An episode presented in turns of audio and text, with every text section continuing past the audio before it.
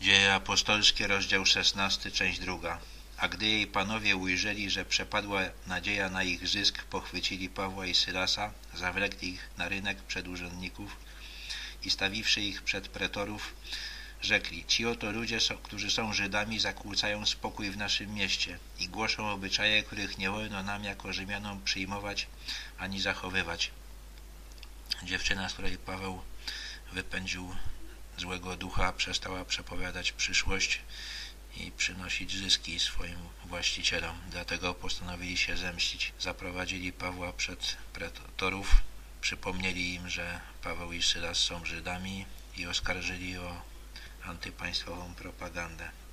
Wraz z nim wystąpił też przeciwko nim tłum, a pretorzy, zdarszy z nich szaty, kazali ich siec rózgami. Tłum chętnie się przyłączył do prześladowania, pretorzy nadali temu sankcję urzędową. A gdy im wiele razów zadali, wrzucili ich do więzienia i nakazali stróżowi więziennemu, aby ich bacznie strzegł. Ten otrzymawszy taki rozkaz, wtrącił ich do wewnętrznego lochu, a nogi ich zakuł w dyby. A około północy Paweł i Sylas modlili się i śpiewem wielbili Boga.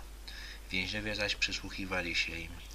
Paweł i Sylas w ciągu jednego dnia zostali fałszywie oskarżeni, pobici, wtrąceni do więzienia, a pomimo tego dziękowali Bogu, śpiewali Mu, wysławiali Go, co wzbudziło zainteresowanie u innych więźniów.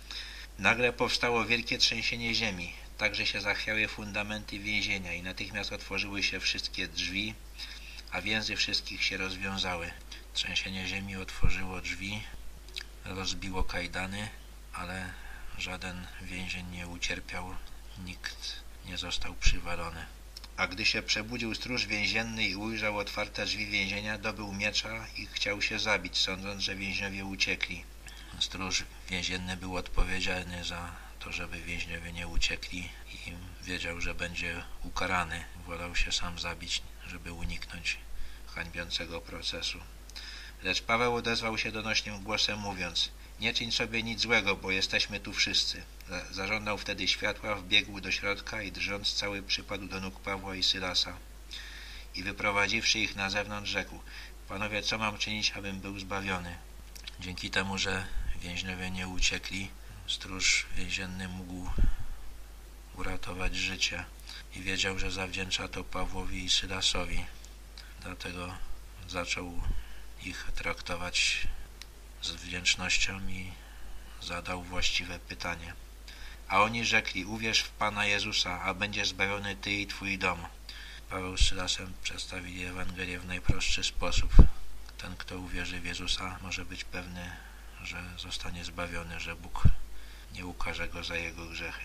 I głosili słowo Pańskie jemu i wszystkim, którzy byli w jego domu. Tejże godziny w nocy zabrał ich ze sobą, obmył ich rany i zaraz został ochrzczony on i wszyscy jego domownicy. Stróż zadbał o swoją rodzinę, czy też o niewolników, którzy mu służyli i zadbał o to, żeby oni też usłyszeli Ewangelię.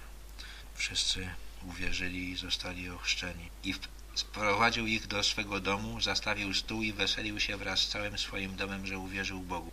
A gdy nastał dzień, posłali pretorzy pachołków, mówiąc, zwolnij tych ludzi. Stróż więzienny zaś oznajmił te słowa Pawłowi.